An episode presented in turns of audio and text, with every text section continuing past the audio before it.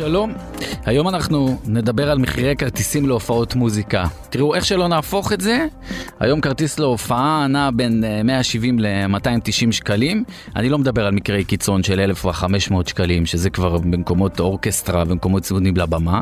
אם ניקח את המחיר המינימלי, נגיד 170 שקלים להופעה, ניקח זוג.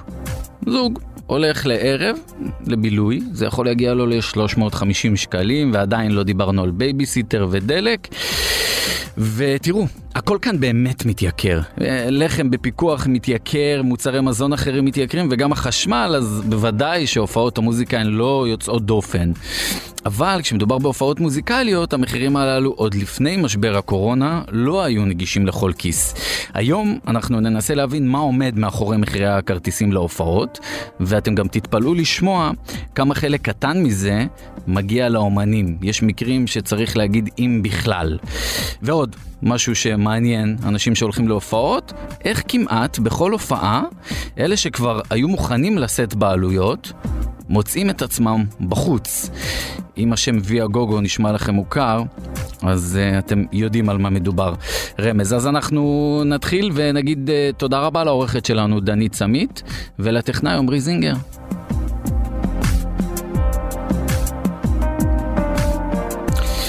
אלמוג שריד, מפיק הופעות, שלום. אהלן, צהריים טובים. מה שלומך?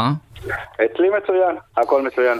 תגיד, שאלה אחת אני רוצה לפתוח איתך אה, ישר ולעניין. הכרטיסים להופעות בישראל, יקרים לדעתך? וואו, יקרים מאוד. למה? תשמע, קודם כל, אנחנו חיים במדינה שהעלויות בה אה, כל הזמן עולות ועולות, של הכל. אז uh, מן הסתם גם כרטיסים. Uh, עכשיו, אני אחלק את התשובה שלי לשתיים. Uh, קודם כל, בשנים האחרונות ענף המוזיקה מאוד מאוד התפתח. זאת אומרת, אומנים, כל אומן, גם אם הוא מתחיל, גם אם הוא בינוני, גם אם הוא גדול, הסטנדרטים של הבמה והתפאורה והציוד, הכל מאוד מאוד מאוד עלה. זה אומר שקודם כל הציוד של ההגברה ועלות ההפקה של האומן היום הכפילה את עצמה ואף שילשה את עצמה. אבל כמובן שזה מתבטא גם במחירי הכרטיסים. תוסיף לזה שאומן שפותח הופעה במקום כמו קיסריה או בהיכל נוקיה או אפילו בזאפות, גם המחירים של המקומות האלה היום מאוד יקרים. האומנים רוצים להרוויח גם, האומנים צריכים לשלם עמלה למשרד הכרטיסים, עמלה לסוכן, כל זה ביחד מביא את המצב בשוק היום למחירים די יקרים לכרטיסים, אפשר להגיד ביחס לחו"ל. אני, אתה יודע, דווקא לזה לא רציתי להגיע ביחס לחו"ל, כי באמת הכל שם, זה, זה שונה לגמרי. בעיניי זה כמו להשוות אגסים לתפוחים, כי פה העלויות שונות ושם הן שונות, והמקום, והמקומות הם הרבה פחות uh, גדולים פה בארץ וכו'. אני לא רוצה להתייחס לחו"ל, אני רוצה שתכניס אותי ללב ליבת העשייה שלך, אלמוג, שאתה uh, בא לקבוע הופעה. בא לארגן הופעה, נכון? עכשיו עשית את, אתה מארגן את ההופעה של שב"כ סמך, בוא, בוא נדלג רגע על השלב של האיחוד, זה כבר במקומות אחרים, אבל איך אתה בכלל מתחיל לקבוע הופעה ואיך אתה בכלל מחשב את מחירי הכרטיסים? אז אני אגיד לך, כשאנחנו קובעים הופעה, אנחנו לוקחים אה, שני פרמטרים אה, בחשבון אה, בשביל המחיר כרטיס, עוד לפני שהגענו לרווח שלנו. אנחנו מחשבים את כל העלויות שמסביב, שעולה, למשל אם תיקח הופעה בלייב פארק בראשון לציון, אנחנו מחשבים את העלויות שעולה המקום, ההגברה, התאורה, האבטחה, הרישוי, הבמה, אקו"ם, הכל כולל כולל כולל הכל. זה בהופעות, בוא נגיד, בלייב פארק מתחיל, רק מתחיל, ב-100 שקל לכרטיס לאדם. זה עוד, כש... זה, זה עוד לפני בכלל שדיברנו על כסף לאומן וכל הדברים נכון. שקשורים במוזיקה, נכון? נכון, נכון, בהחלט. וואו. אתה מתחיל ב-100 שקלים לאומן. אם אתה תתמחר אה, ב-150 שקל את הכרטיס, זה אומר שמתוך כל ההכנסה של הקופה, רק 50 שקלים מכל כרטיס יישארו לאומן. זה עוד בכלל ש... לפני שלקחנו עלויות אחרות כמו עמלה אה, למשרד הכרטיסים, עמלה למפיקים, אה, עמלה לסוכן, דברים כאלה. ומה עם אה, שיווק ופרסום והפקה? שיווק, שיווק, פרסום, הפקה, כמובן. ו... וזה עסק אה, שנהיה יקר. בגלל זה בלוקיישנים הגדולים, בדרך כלל המחירים יהיו יותר גבוהים מאשר במועדונים של הזאפה כמו אמפי שוני או או זאפה בפארק, או מיני ישראל, או מועדוני הזאפה הקטנים. תגיד, אומנים בישראל בכלל מרוויחים ממכירת כרטיסים להופעות? זה, זה נתח משמעותי מההכנסות שלהם? התשובה היא כן, התשובה היא כן. אם בעבר אה, רוב ההכנסות של האומנים הסתמכו על אה, מכירת דיסקים או תשלום מזכויות יוצרים, אז היום למעשה האומנים עושים דיסקים כדי לקדם את ההופעות, ולא הפוך, לא הופעות כדי לקדם את מכירת הדיסקים. זאת אומרת, האומנים הגדולים בישראל, יש שכבה מאוד גדולה של אומנים, אני יכול למנות לך אותם, להתחיל, לא משנה אם זכרתי או שכחתי, זה עומר אדם, אייל גולן, שלמה ארצי, עדן חסון, עידן עמדי, משינה ועוד ועוד ועוד, לפחות 30-40 אומנים בדרג הראשון שמתפרנסים ברמת ה... להיות מיליונרים. לא, לא להתפרנס בכבוד. רגע, אבל אתה מה, רק מהופעות, או שאתה אומר לי שאתה יודע, לאייל גולן למשל יש הכנסות אחרות, לעדן חסון יש הכנסות אחרות, יש פרסומות, יש הופעות מוועדים, לאייל גולן פחות מאז הפרשה, אבל אתה יודע. נכון. רק, מ, רק מהופעות, אני מדבר גם על הופעות במכירת כרטיסים לקהל הרחב וגם כמובן הופעות אה, סגורות, מכורות מה שנקרא לוועדי עובדים. אה, האומנים האלה מרוויחים אה, כמה מיליונים טובים אה, לשנה.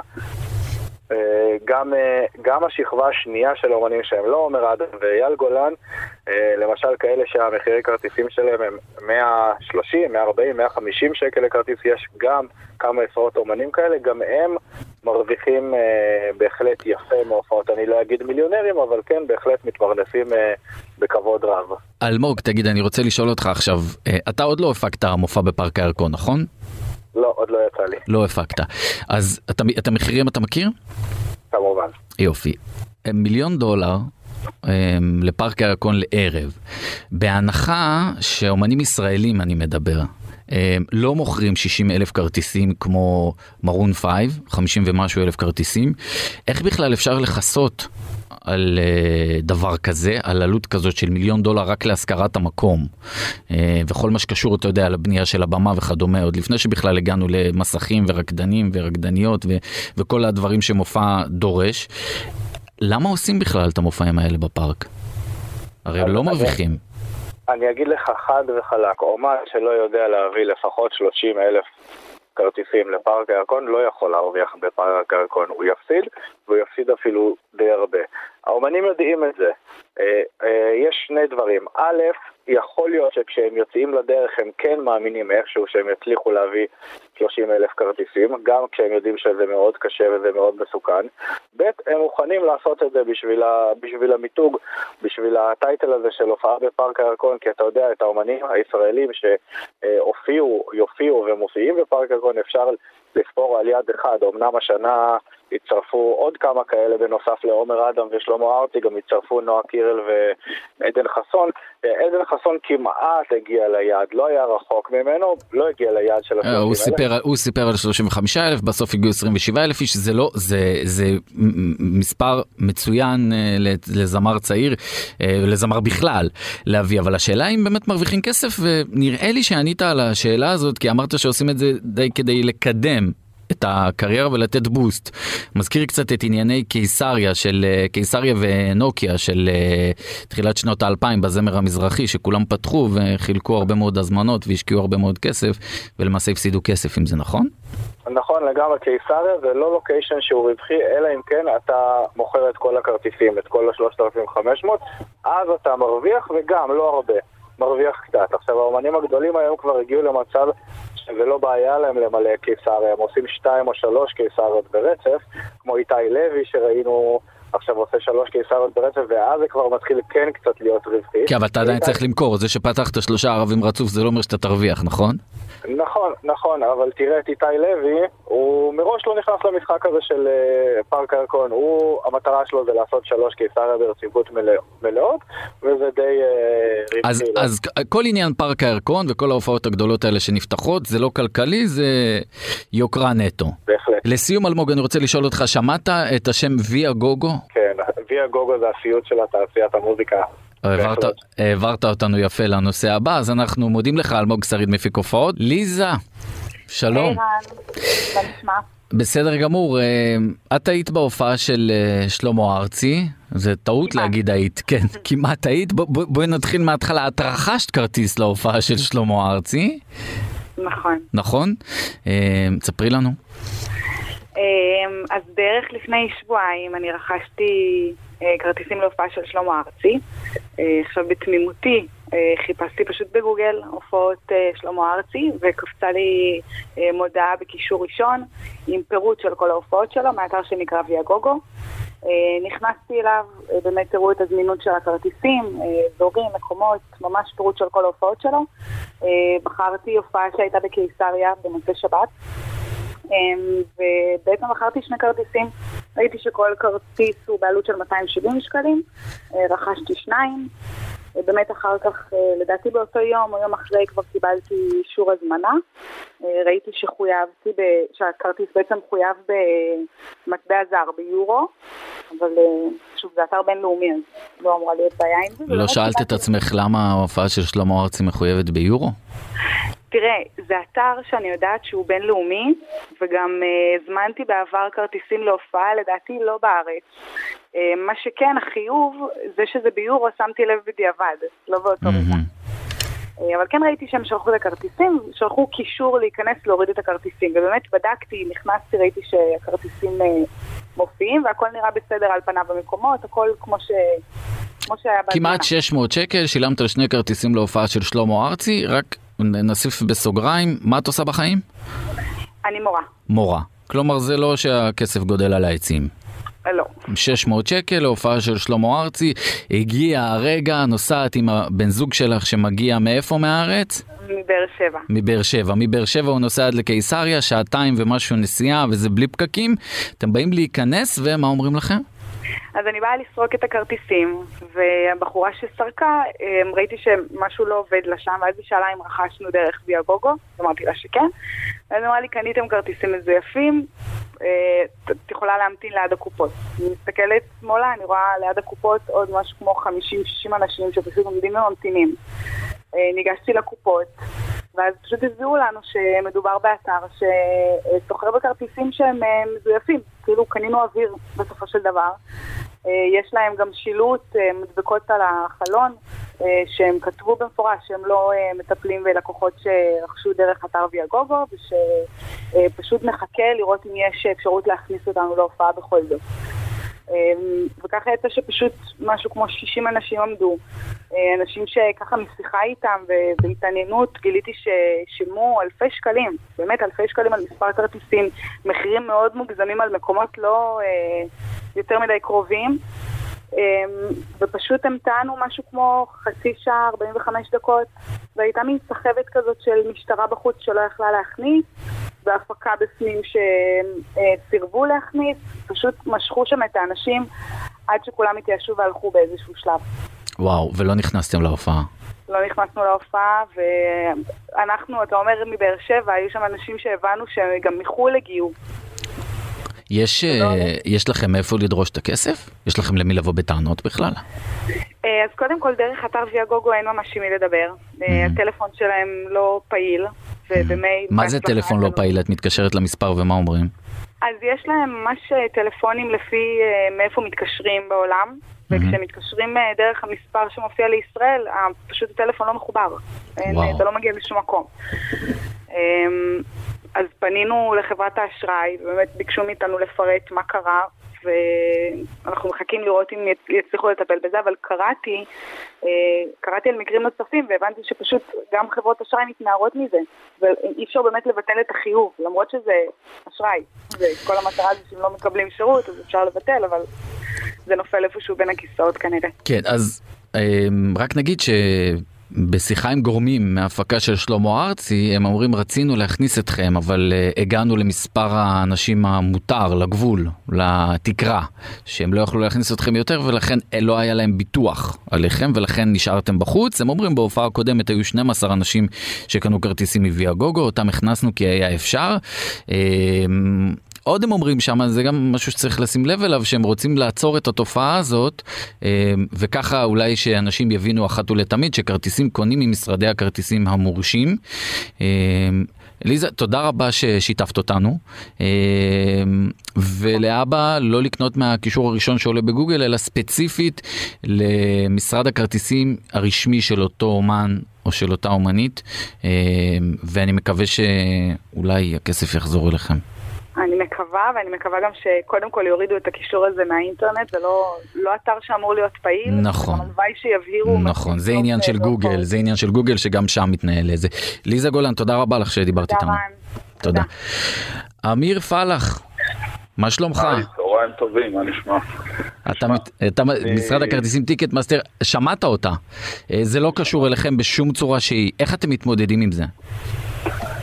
קודם כל אני אגיד אה, שכמוה כמעט בכל מופע עם דרישה גבוהה, אנחנו חווים את התופעה הזאת. אה, של לקוחות שקונים כרטיסים. אני יכול להגיד שכטיקט מאסטר העולמית עשינו אה, איזושהי פנייה לפני רגע טרום הקורונה ופנינו אל מול גוגל והצלחנו להשעות את ויאגוגו, אם אני לא טועה, משהו כמו שנה. מה זה להשעות? זה שהם לא יהיו ב... הם לא, הם לא היו בחיפוש. וואלה. הם היו בפייג' 5 או משהו כזה, ואז, ואז הבעיה מתייתרת. וגוגל באמת טיפלו בזה וחזרו. עכשיו צריך להגיד משהו. ויה גוגו הוקם כאיזושהי פלטפורמה שיש שם אנשים שמנצלים את הפלטפורמה לרעה. יש אנשים שאנחנו גם רואים שקונים, שמוכרים את אותו כרטיס, או כרטיסים מזויפים, בפלטפורמה. זהו, תסביר, תסביר רגע להדיוט, מי שלא יודע, מה זה בכלל ויה גוגו? ויה גוגו זה פלטפורמה שבאה ואומרת שאם לקוח מחר קנה כרטיס למופע והוא לא יכול להגיע מסיבותיו והוא רוצה עכשיו למכור את הכרטיס למכור את הכרטיס למישהו שכן יכול להגיע ואיזשהו אתר סחר בין כרטיסים שאומר בוא אני אחבר בין קונה מרצון למוכר מרצון ויקבע את המלצי.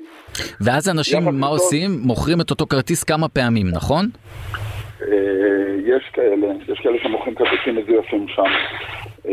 אני יכול להגיד לך שראינו גם מקרים, נגיד במופע של אנריקה אגלסיאס, ויה בישראל, ויה גוגו מכרו כרטיסים לפני שאנחנו התחלנו למכור כרטיסים. וואו. זה, זה כזה, זה ברמה הזאת. ושזה, אז, אז, אז פועל יוצא שזה שזה כרטיסים מזויפים, כי אם אתם לא התחלתם למכור... בוודאי, ברור. עכשיו, אנחנו קוראים לכל ה... קוראים לכל הצרכנים לקנות, כמו שאתה אומר, מהאתרים המורשים. אני יכול להגיד לך שבארצות הברית פיתחנו גם טכנולוגיה אה, שבעתיד תגיע גם לאירופה וגם אה, לישראל. אה, טכנולוגיה שבה בכל 12 שניות הברקוד מתחלף. זאת אומרת, קנית כרטיס, אתה מקבל אותו לנייד שלך, ובכל. גם אם תעשה צילום מסך, הברקוד הספציפי שיופיע בנקודת זמן רלוונטית, הוא לא יהיה הברקוד 12 שניות לאחר מכן. ואז איך זה עוזר? אבל את הכרטיס אני מקבל, לא הבנתי. אתה, אתה מקבל את הכרטיס לטלפון, כן. הכרטיס שלך, הברקוד שלו הוא דינמי. Mm-hmm.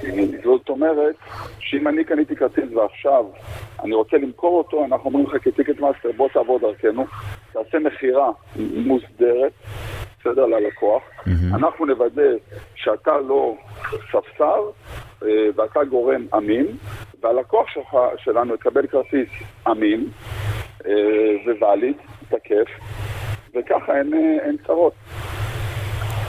שמע, אני עדיין לא הבנתי איך זה מונע את ויה גוגו. איך? לא הבנתי איך זה מונע את ויה גוגו. ברגע, היום, היום לקוח קנה כרטיס. נכון. הוא, הוא מקבל אי-טיקט, כרטיס אלקטרוני אליו. בסדר? Mm-hmm. מה שאפשר לעשות עם אותו כרטיס זה להתחיל למכור אותו לכל הלקוחות. נכון? אפשר mm-hmm. למכור את אותו כרטיס כן. אלף פעם גם. נכון. אם אתה כצרכן יודע שהכרטיס עכשיו שאני מעביר לך לאימייל הוא יהיה מראש כרטיס לא תקף, כי הכרטיס בנקודת זמן מסוימת הוא, הוא חייב להיות בתוך הטלפון שלך. אהה, זהו, נפל. שמעתי את האסימון, עכשיו הוא נפל, כן. פלאח, אז קודם כל הלוואי וזה יצליח. תגיד שאלה, אתה חושב שמחירי הכרטיסים להופעות בישראל בינלאומיות וישראליות ושל אומנים ישראלים הם יקרים? תראה, אני חושב שזה מאוד מאוד uh, תלוי בתוכן ובעלות uh, בעלות כרטיס למופע. אני יכול להגיד לך שאם אני לוקח לדוגמה עכשיו פסטיבל שאנחנו מוכרים אליו, פסטיבל שוגה, שמופיעים בו ארבע הרכבים מחוץ לארץ, כולל אלג'יי ומילקי צ'אנס ופרדי גיקס ו... יסמין מועלם ו-you name it, באמת המון הרכבים ישראלים וכולי, שהכרטיס שם לדשא הוא 295 שקלים, אני לא חושב שזה מחיר יקר. לא, זה באופן יחסי כמובן שלא יקר. יחד עם זאת צריך לבוא ולהגיד שבאופן כללי אה, משבר הקורונה, אה, כמו שהוא יוצר עליית מחירים בכל אה, התחומים, הוא יוצר עליית מחירים גם בתחום שלנו מהסיבה שהיום יש פחות ספקים, יגיד, יגידו לך את זה המפיקים. עלות ההפקה היום עלתה למפיקים בצורה מאוד מאוד דרמטית, אה, באזור 30-40 אחוז. אה, אני יכול להגיד לך שלא מזמן ישבנו עם ספק של גנרטורים, במקרה הייתי בפגישה הזאת, הוא אומר חבר'ה, אני רק הסולר שאני מפעיל לטובת אותו גנרטור, קפץ לי פי 2 מ-2019. ואת העלייה הזאת לצערנו סופגים, נכון להיום בעיקר המפיקים, כי עליית המחיר כרגע שנעשתה היא בשוליים. אני חושב שאם תעשה אה, ניתוח נתונים מ-2018 ועד, ניקח לדוגמה את המופעים המקומיים, כרטיס ממוצע עולה 150-180 שקלים, אני חושב שזה מחיר שלא השתנה בארבע-חמש שנים האחרונות, ומהצד השני כן אה, יש עליית מחירים של ספקים מאוד מאוד דרמטית, וזה איזשהו משבר היום שהמפיקים המקומיים והבינלאומיים אה, מתמודדים איתו ומנסים למצוא פתרונות לסיטואציה. פלאח, אמ, תגיד כמה מכירת הכרטיסים עלתה, לא הכסף, לא המחיר, אלא כמות הכרטיסים שנמכרים ביחס לתקופה שלפני הקורונה, יש יותר היענות? אני חושב שמיד אחרי הקורונה היה גל מאוד משמעותי של אה, מכירת כרטיסים, כי לאנשים היה צורך, אה, ותמיד יש צורך מאוד מאוד, אה, הצורך הזה של הביחד הוא צורך מאוד חזק ומאוד משמעותי לקהל, ובסוף שום חוויה לא מחליפה אותו. ואנחנו רואים את זה בכל העולם, את העלייה הזאת, אבל רואים שאתה יודע, ככל שעובר הזמן, זה מתייצב. זה מתייצב וחזרה לממדים שלו. אמיר פלח, מנכ"ל חברת אה, הכרטיסים Ticketmaster, תודה רבה שדיברת איתנו. תודה.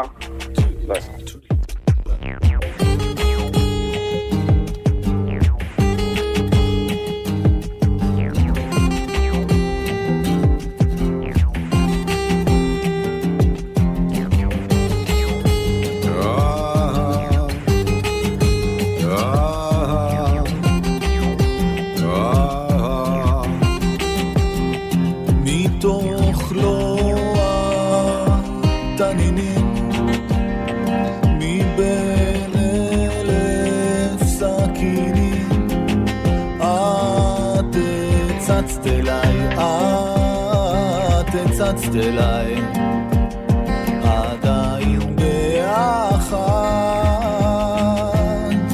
מתוך שקט בין צלילים עינב שיף, ידיעות אחרונות, לונדון, מה קורה? מה נשמע רן? בסדר גמור, טוב לשמוע אותך. מה שלומך? גם אותך. הכל בסדר, הכל בסדר, קיץ אה, נורמלי אפילו הייתי אומר. אחרי אה, שנה וקצת, אה, כאילו באנגליה הקיץ הקודם גם היה בסדר, בסך הכל בסדר גמור, עוד קצת לקח זמן להתרגל חזרה לעניינים, והקיץ הזה כבר כאילו אחרת לגמרי. ואפילו חם פה, לא יאמן. תגיד, היית בהופעה אחת או שניים בחיים שלך בישראל ובטח בחו"ל? אפשר להגיד, אחת או שתיים, כן, כן, אולי שלוש אפילו, אם אני עובד חזק. תגיד, מחירי ההופעות בישראל, מחירי הכרטיסים להופעות בישראל יקרים לדעתך כן. עיניו? מחירי ההופעות בישראל הם יקרים ביחס לאתגר שישראל מציבה, מדינה כמו ישראל מציבה לתעשיית ההופעות. תחשוב שאנחנו חוגגים ובצדק בתקשורת את העובדה ש... אה, הפשרת היחסים עם סעודיה, למשל, תקצר את הטיסות למקומות כמו הודו או תאילנד. ובאירופה לא, כשמדברים על סיבובי הופעות, בכלל לא מדברים על אה, טיסות, מדברים על נסיעות. כלומר, יש לך, אתה עולה על איזה טורבן או מה שנקרא, והוא לוקח אותך, את הציוד, ממקום למקום, מקסימום האומן טס ל... ישראל היא ממוקמת כביכול, היא אמורה להיות כחלק מסיבוב אירופאי של אה, אומנים, אבל היא, היכולת שלה להתנייד זה לא בתוך אירופה, כי עדיין אתה לא יכול לנוע מהמדינות האלה באופן אה, יבשתי. זה כבר מגביר את העלויות, כמובן יש את העניין הפוליטי. אומן בשביל להגיע לישראל, אתה צריך לשלם לו. אתה, אה, כי הוא, אתה צריך לקחת בחשבון לא רק את זה שהוא עולה כסף והוא יקר, אלא את העובדה שהוא עכשיו הולך להתמודד, נגיד שלושה חודשים, עם הפצצה של לחצים לא לבוא לישראל. ולכן העלות של המחירים בארץ היא, אני מדבר בדרך כלל, יש כמובן גרידיות, יש כמובן מופעים שהם יציאה מפרופורציה. אה, אה, היה מקרה מאוד מפורסם של מטאליקה לפני יותר מעשר שנים, של אה, מחאה מאוד חזקה של קהל, שהצליחה להוריד מחיר. שזה מאוד נדיר. של, מאוד נדיר, אבל זו הייתה ממש מחאה רשת, אפילו, אתה יודע, זה היה מחאת רשת עוד לפני שזה היה כל כך חזק. באופנה, כן. כן, אז, אה, אה, וזה עבד. אבל לרוב, בדרך כלל, המחירים לא, הרב, צריך לדעת, המפיקים לא באמת עושים הון מההופעות האלה. חד משמעית, ואני חותם על זה, לא, אין לי, אין לי, אין לי חברים כל כך בתחום ההפקה, אבל אני מכיר את המספרים, וזה. זה נכון אבל, אגב, שלראות הופעות באירופה זה יותר זול. גם באנגליה, שהיא מדינה מאוד לא זולה. אה, אה, כרטיסים אה, לאזורים אפילו יוקרתיים, גולדן ריג למופעים טובים, יעלו כמעט תמיד פחות מהכרטיס המקביל שיעלה בארץ. והמספרים לא משקרים. תגיד, זה נכון בכלל עיניו להשוות את המחירים, כמו שאמרת, בישראל? אז זהו, שאני אומר, אז אני אומר, צריך, צריך, צריך לקחת בחשבון שהשוואה, נגיד, בין לונדון ופריז, אי אפשר להשוות בין תל אביב ללונדון כמו שמשווים בין לונדון לפריז. Mm.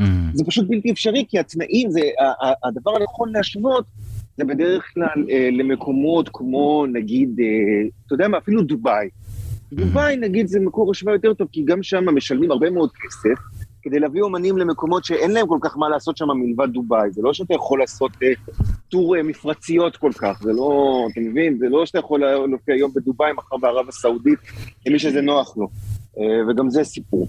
אבל השוואה לאירופה וגם לארה"ב, היא לא לוקחת בחשבון שכשאומן עושה תכנון עצירה בלונדון, זה בחלק, בדרך כלל, או מתכנון בכל אירופה, או בכלל חלק נכון. מתכנון רק בממלכה המאוחדת, כלומר סקוטלנד, לפעמים באנגליה, אנגליה זה מדינה של 80 מיליון איש, זה לא רק לונדון. Hmm. להקה יכולה לעשות עצירה בליברפול ובמנצ'סטר, אה, בערים אה, מאוד גדולות שיש להם, אה, שיש להם שם קהל. אז אתה מבין, זה, זה, אנשים חושבים, טוב, זה כמו אה, אה, לקחת דאודורנט בסופר פארם ודאודורנט ב... בסופרמרקט בלונדון ולהגיד, הנה, פה זה עולה לי חצי. זה לא אותו... זה באמת להשוות אה, תפוזים לתפוחים. נכון, לא, לא, שמעת, לא, לא, שמעת, לא... לא שמעת את השיחה הראשונה שלנו עם אלמוג שריד מפיק הופעות, אה, וזה בדיוק מה שאמרתי לו על השוואה כזאת, אבל אני רוצה רגע עיניו להגיע איתך למחירי כרטיסים של אומנים ישראלים דווקא.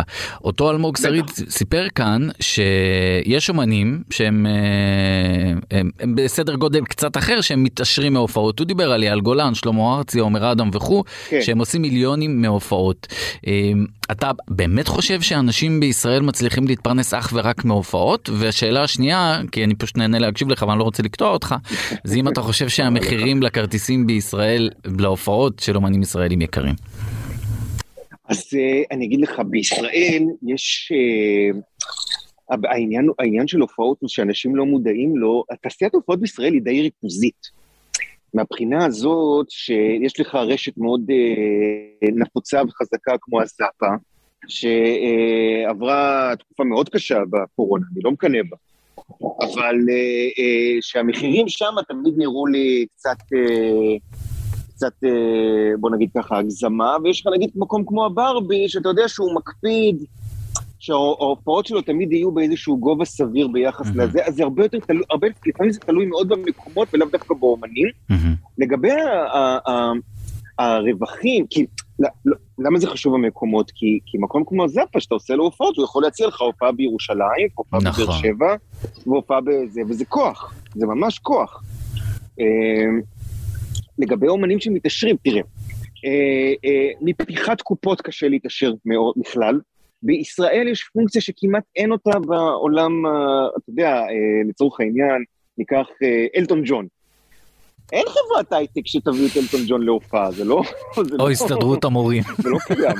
זה סכומים שהם לא... שאפילו חברות הייטק חזקות מאוד לא יכולות לעמוד בהם. יכולים להביא אותו ל- ל- לשיחה, אבל להביא אלטון ג'ון להופעה מלאה זה לא משהו שיכול לקרות. ובישראל, לדעתי, עיקר הפרנסה היא עדיין האירועים הסגורים, ושם מי שעובד חזק, עובד חזק ויכול, אה, אה, ויכול, אתה יודע, יש גם אה, אומנים שפותחים קופה פעמיים בשנה וזהו. נכון, משהו שהוא לא, לא נשמע. נכון. אז לכן יש שכבה מאוד מצומצמת של אומנים שמתעשרים, אבל אני כן רוצה להגיד שיש אה, אה, אומנים שמופיעים כל השנה, הם לא בוחלים בהופעות, והם עושים גם בתי ספר וגם ברבי וגם זאפה ואיפה שתגיד להם, והם אה, מתפרנסים לא רע. אני זוכר פעם משפט שאמר פיטר רוט, זה היה לפני הרבה שנים, אני, עכשיו זה קצת פחות, אבל פיטר רוט אמר פעם משפט נהדר, מי שחושב שהרוק ישראלי מת ולא עושים ממנו כסף, מוזמן לבוא לראות איתי טלוויזיה ב-50 אינץ' שיש לי בבית, משהו כזה. עכשיו, פיטר, פיטר, פיטר הוא לא, פיטר, למי שמכיר אותו, הוא קודם כל האיש הכי צנוע ומקסים בעולם. ומה שהוא רצה להגיד זה, אל תרחמו עלינו, אנחנו רוצים לעבוד. ואנחנו, כשאנחנו עובדים, אנחנו עושים, אנחנו מתפרנסים יפה. ואני חושב שזה זה נכון שמוזיקה פופולרית זה אחד מסוגי האומנויות הבודדים בארץ שלא נתמכת בצורה ממשלתית. וזה נכון ש... אה, לא, אגב, להבדיל מקולנוע, בלי תמיכה ממשלתית אין קולנוע בארץ, שיהיה ברור, יש סרטים של משה אדרי.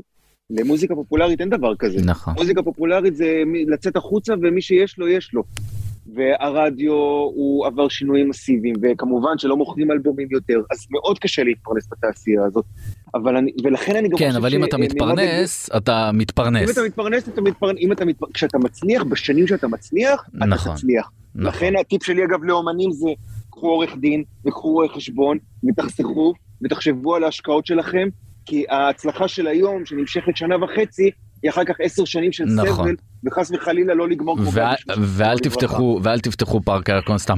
אה, עינב שיף, ידיעות זה אחרונות. ברור, ואגב, אה, אגב, אה, פתיחת ההופעות הגדולות כשופוני זה היה עוד בדור הראשון של קיסריה, נכון. עשו את זה, וזה תמיד היה שם, אני לא, אני לא מזלזל בעניין של סמל סטטוס, אבל אומנים צריכים לדעת, משם לא מביאים את הכסף, חד משמעית. זה לא אמור להיות אה, מה שמוביל אותם.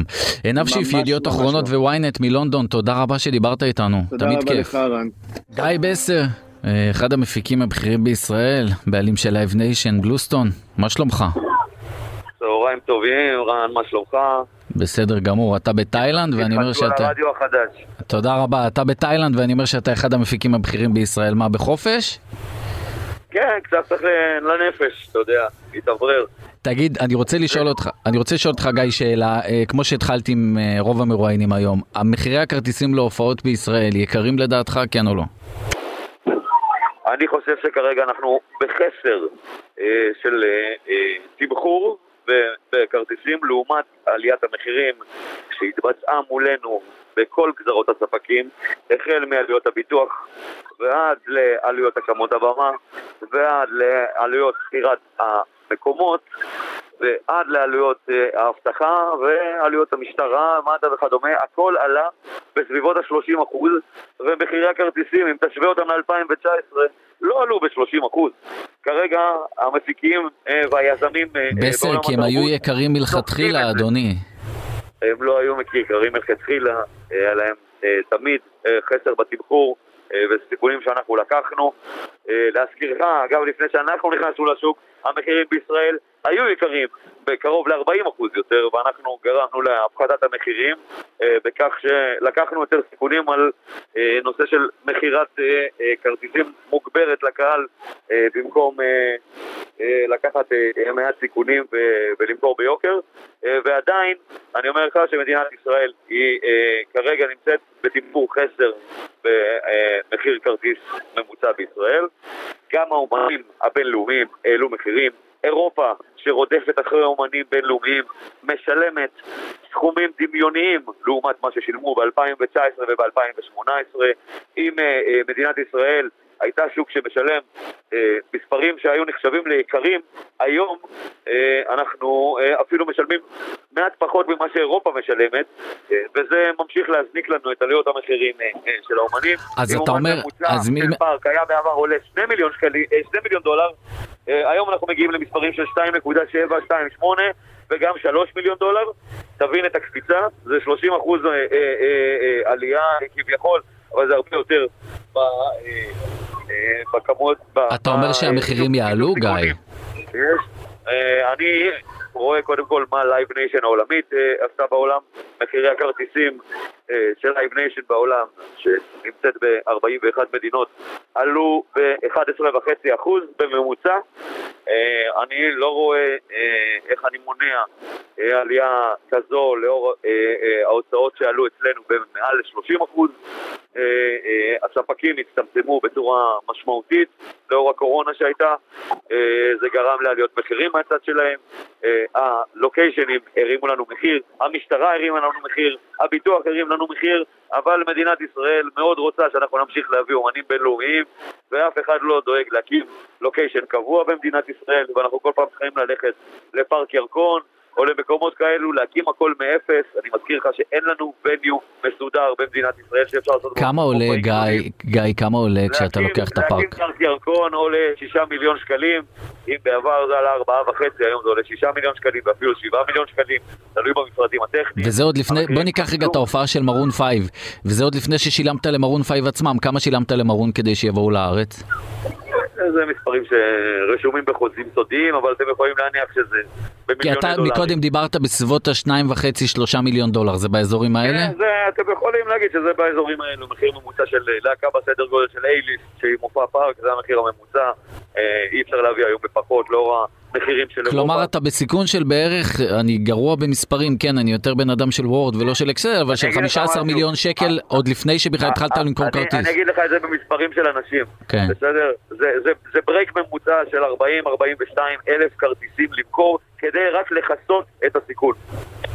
לש- כשאתה מביא את מרון פייב לארץ, ואם אתה מפסיד אז כמה זה הפסדים? זה מיליונים? זה מיליוני דולרים, לא מיליונים אה, בשקלים. מהמם.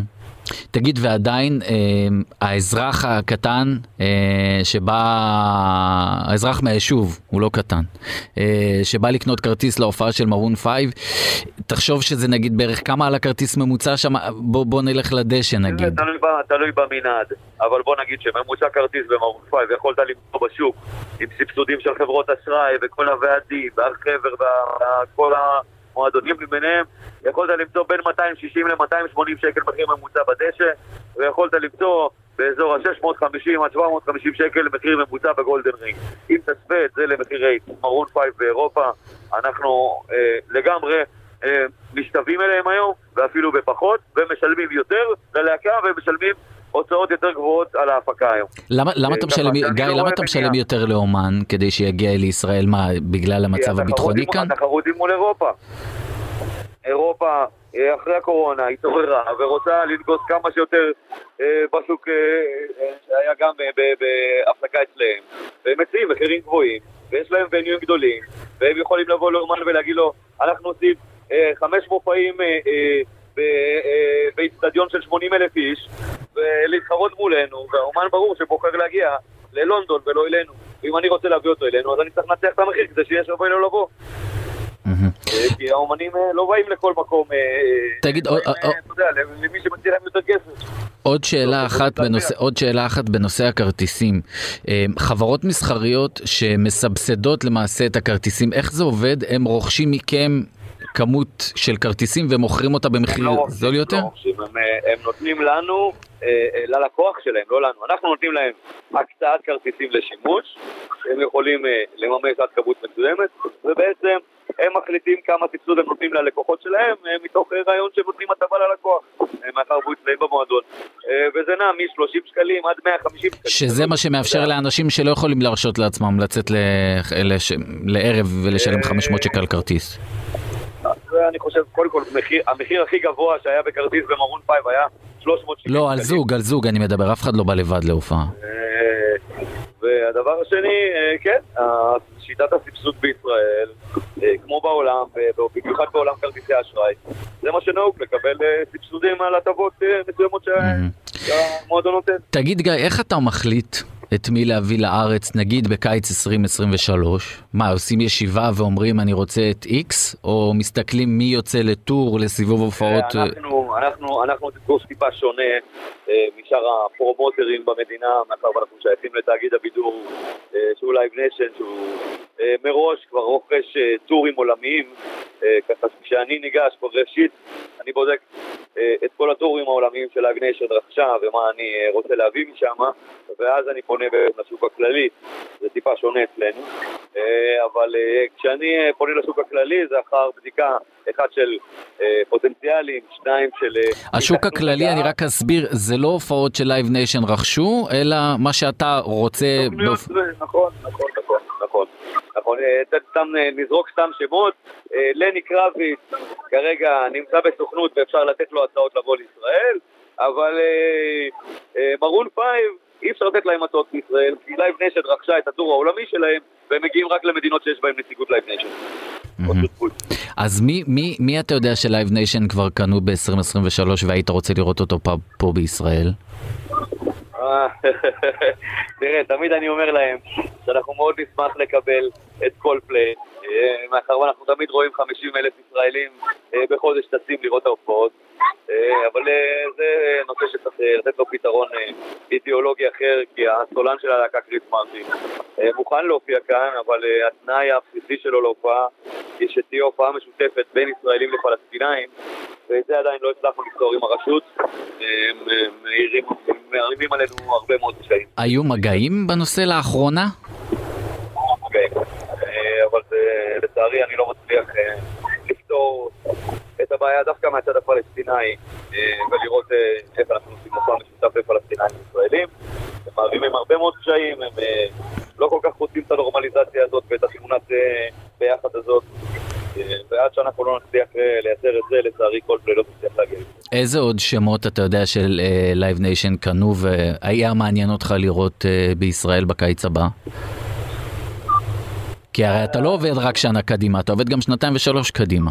אנחנו עובדים גם שנתיים ושלוש קדימה. אני מאוד מקווה אה, שהטור של ביונסה יצא לדרך, אני מאוד מקווה אה, שהטור של גנץ רוזס יצא לדרך, אני מאוד, אה, אני אשמח להביא אותם שוב פעם, אני מאוד מקווה שארי סטיילס יצא לדרך. אתה מאמין שביונס- אני מאוד אתה מאמין-. אתה מאמין שביונסה תגיע לישראל? כל כך הרבה דובר על זה.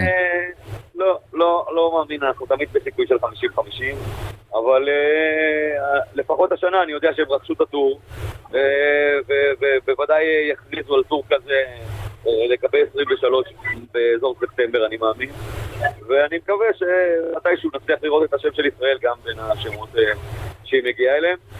אנחנו עובדים בזה מאוד קשה, יש לזה... אתה עובד כדי להביא. אותה? אתה עובד כדי להביא את ביונסה בקיץ הבא? פיננסיים, אה, כי המחיר אה, אה, הוא מאוד יקר, מאחר והיא רוצה את כל הציודים מגיעים בשילוח מארצות הברית לישראל, אה, והעלויות מאוד מאוד מאוד יקרות, אה, עד בלתי משתלמות, אנחנו מנסים לפתור את זה.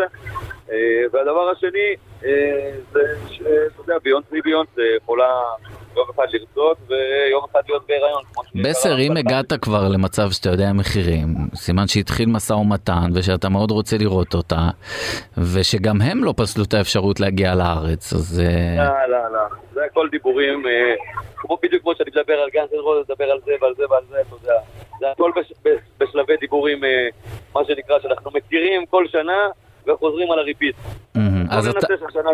אז לא הבנתי, זה לא באמת יוצא פה איזה משהו, אתה יודע, מיוחד. הבנתי. יש משהו. לך משהו סגור לקיץ הבא? אנחנו עלינו לדבר על כרטיסים, לא על סופים, לא על שמות. אנחנו נדבר על זה בהזדמנות אחרת, בכתבה אחרת שמדברת על, אה, על סקופים ו... ולמה צריך לרדוף אחרי סקופים. אה, בסר, אז לפחות אנחנו מוציאים ממך התחייבות שאם ביונסה תגיע לארץ מתישהו, או קולד פליי, נהיה הראשונים לדווח על זה. אה, אני לא יודע לתת התחייבות. אה, באומנים. אפילו להיפרד. בנימוס אתה לא נותן. אבל אבל אני יכול להגיד לכם שאני מאוד אוהב את ויינס, זה הבית שלי, ואנחנו תמיד נעשה כל מה שאפשר כדי שתהיו ראשונים. גיא בסר, תודה רבה לך, Live Nation ישראל, שתמשיכו להביא לפה הרבה מאוד הופעות ו... לא, אל תעלו לנו את מחירי הכרטיסים. תודה. נדבר עם הספקים, יום טוב. תודה. טוב, אז uh, שמענו אולי ביונסה תגיע לארץ, אולי, um, זה לא חדש, כן? היה כבר uh, 20 אלף פעם אולי, אבל uh, זה אולי שקורה עכשיו, וזה 50-50 אז אולי. Uh, עד שנדע, נגיד תודה רבה uh, לעורכת שלנו דנית סמית, תודה רבה לטכנאי שלנו, תודה רבה לעומרי זינגר. ואנחנו ניפגש ונשתמע בשבוע הבא. עד אז, להתראות.